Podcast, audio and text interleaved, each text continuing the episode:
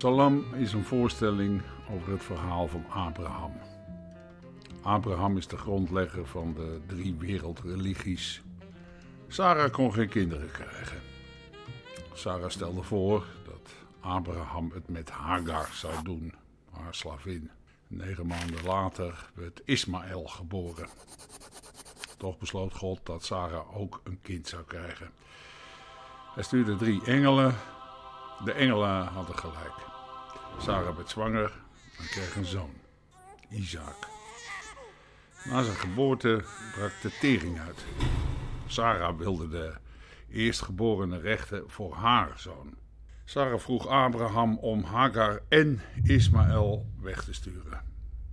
Abraham vroeg aan God wat hij moest doen. Die zei: Doe wat ze zegt. Nou, dat heeft hij ook gedaan. Vanaf dat moment waren we niet één volk meer, maar twee. Isaac is de vader van de Joden en de christenen. Ismaël is de grondlegger van de islam. En er was oorlog.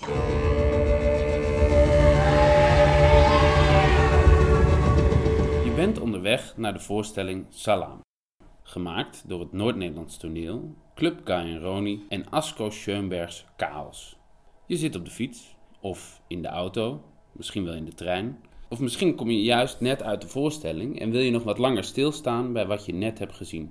Daarvoor is deze Inleiding voor Onderweg podcast bedoeld. Mijn naam is Milan van der Zwaan en ik geef inleidingen bij het Noord-Nederlands Toneel en Club Guy en Roni.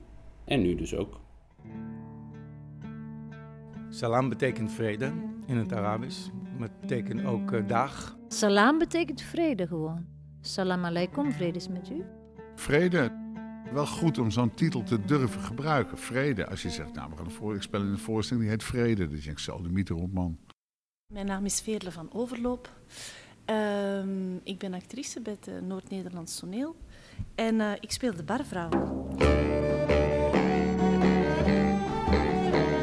Guy heeft in een, in een ver verleden wel eens gezegd van met Salam, hè, met de voorstelling wil ik uh, de wereldvrede terug bewerkstelligen.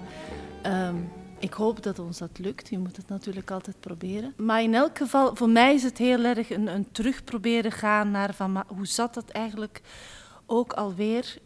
Um, uh, want ik ken het verhaal wel, ik ben katholiek opgevoed, dus ik, ik kende dat verhaal wel. Maar ja, dat, het was zo'n verhaaltje, zoals er nog verhaaltjes zijn. Ik merk ook dat, zeker hier in Nederland, wat toch... Um, nou ja, in die zin al, al iets uh, seculairder is geworden ondertussen, dat dat verhaal helemaal niet meer zo springlevend is. En omdat het zo bepalend is geweest voor de geschiedenis, ja, lijkt het mij in die zin wel, uh, wel waardevol om, om terug te traceren van wat is daar gebeurd, wat is daar niet gebeurd, wat had er eigenlijk moeten gebeuren of wat wat had Abraham beter kunnen doen. Ik denk dat wij als samenleving uh, vandaag heel erg vertrekken vanuit grote verhalen, grote mythen. En eigenlijk het verhaal dat ik heb gekozen is een, een, verhaal over. Het is een hele simpele erfenisverhaal over een vader en twee zonen. En wie gaat dan de erfenis krijgen? En toch maken we het veel groter. En het is het verhaal geworden dat het oosten en het westen echt gewoon scheidt. En in tijden waar het echt ongelooflijk gescheiden is. Wat ik wil proberen is de gezamenlijke delen van het verhaal uh, zo duidelijk mogelijk vertellen op toneel. En misschien daardoor een nieuw verhaal uh, creëren, een nieuw narratief creëren.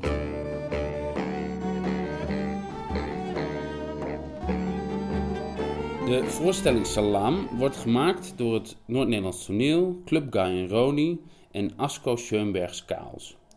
Je ziet dus zes acteurs, zes dansers en zes muzikanten op het podium. Tegelijkertijd. We beginnen altijd aan de tafel. We proberen te begrijpen wat in de tekst staat en wat de personages eh, van elkaar willen. En daarnaast we het op, naar de, de vloer nemen, proberen wij het op ook een fysieke manier duidelijk te maken. En dan is het vaak niet hetzelfde wat in de tekst staat. Dus als, als we het goed hebben gedaan op, aan de tafel, dan uh, weten we wat iedereen van iedereen wil. Maar als we het op de vloer doen, dan proberen we nog een laag toe te voegen. En die laag vertelt iets dat de tekst niet vertelt. Zo, je kan iets met, met lichaamstaal vertellen uh, dat, dat je met je eigen woorden niet vertelt. En dat zie je heel duidelijk aan mensen als ze op straat lopen, dat, dat ze met, met één agenda bezig zijn met hun mond, en maar aan hun lichaam zie je dat ze echt met een heel ander verhaal rondlopen. Bijvoorbeeld Isaac, dat heel erg probeert uh, moedig uh, te, te, doen. Dus hij zegt allemaal stoere dingen, maar je ziet aan zijn lichaam dat het nog geen kind is, dat bang is voor zijn broer. Dan weet je de tekst en dan beginnen ze met dansen. Dus bijvoorbeeld die, die, die, die eerste scène, waar ik denk, nou ja, god, die tekst is toch heel leidend. Nee, nee, nee, nee dat is echt totaal verkeerd begrepen. Dat vond ik ook heel, uh, daar moet je dan meteen aan wennen. Nee, dan, dan komt de vorm en de schuivende eh, dozen en, en, en boksen en... Ja, er wordt er een bar gemaakt op een gegeven moment. Maar, maar hoe dat gebeurt is heel gedetailleerd draaien, draaien. En die springt daar en die. De, heel uh, dansmatig. en heel veel vormgeving. En, en, en daar komt dan een tekst pas overheen. En dan begin je dus niet met een tekst. uiteindelijk kom je ook tot, tot, tot een voorstelling. Je moet eerst heel sterk in de vorm en, en, en daarin bijna, ja, moet je dat zeggen, als een uurwerk moet je daarin functioneren. En pas als het uurwerk loopt, dan kan je weer je vrijheid uh, vinden. Dan, dan, krijg je eigenlijk je speelruimte uh, gedicteerd. Dat je weet van, oh, ik mag hier binnen, binnen deze afspraken die heel strak zijn. Want je moet daar uitkomen op dat moment en je moet heel snel reageren op dat. Maar dat is je speelruimte. En daarbinnen kun je dan uh, zo groot en zo klein als je wil. En, en, en, en, en je lol en je boodschap en je noem maar op alles wat je erin wil gooien, dat kun je daarin gooien. Maar die, die afspraken moet je wel nakomen.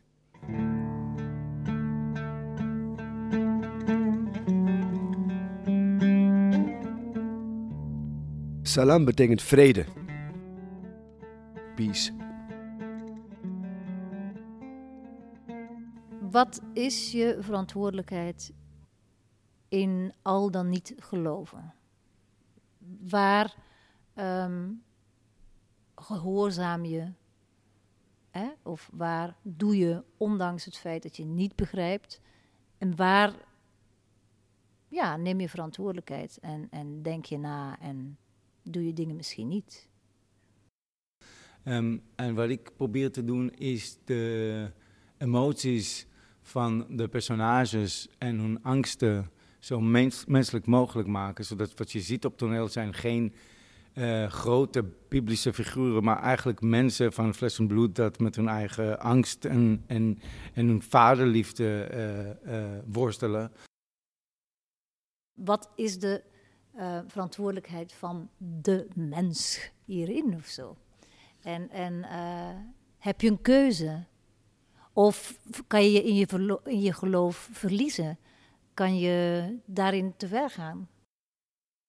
De kijktip voor deze voorstelling is uh, wel uh, ogen en oren open, uh, hart open. En zeg maar, misschien niet meteen proberen te, te achterhalen van wat is het verhaaltje, want het verhaaltje, denk ik, zal behoorlijk ehm, nou ja, bij tijd en wel chaotisch zijn en misschien niet volledig lineair. En ik denk dat toch uh, het beste is om dat inderdaad maar toe te laten. En dan achteraf daar de zin aan proberen te geven.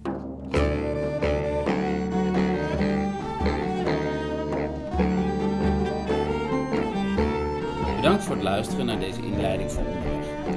Heeft de voorstelling je aan het denken gezet? Wil je verder praten of van gedachten wisselen?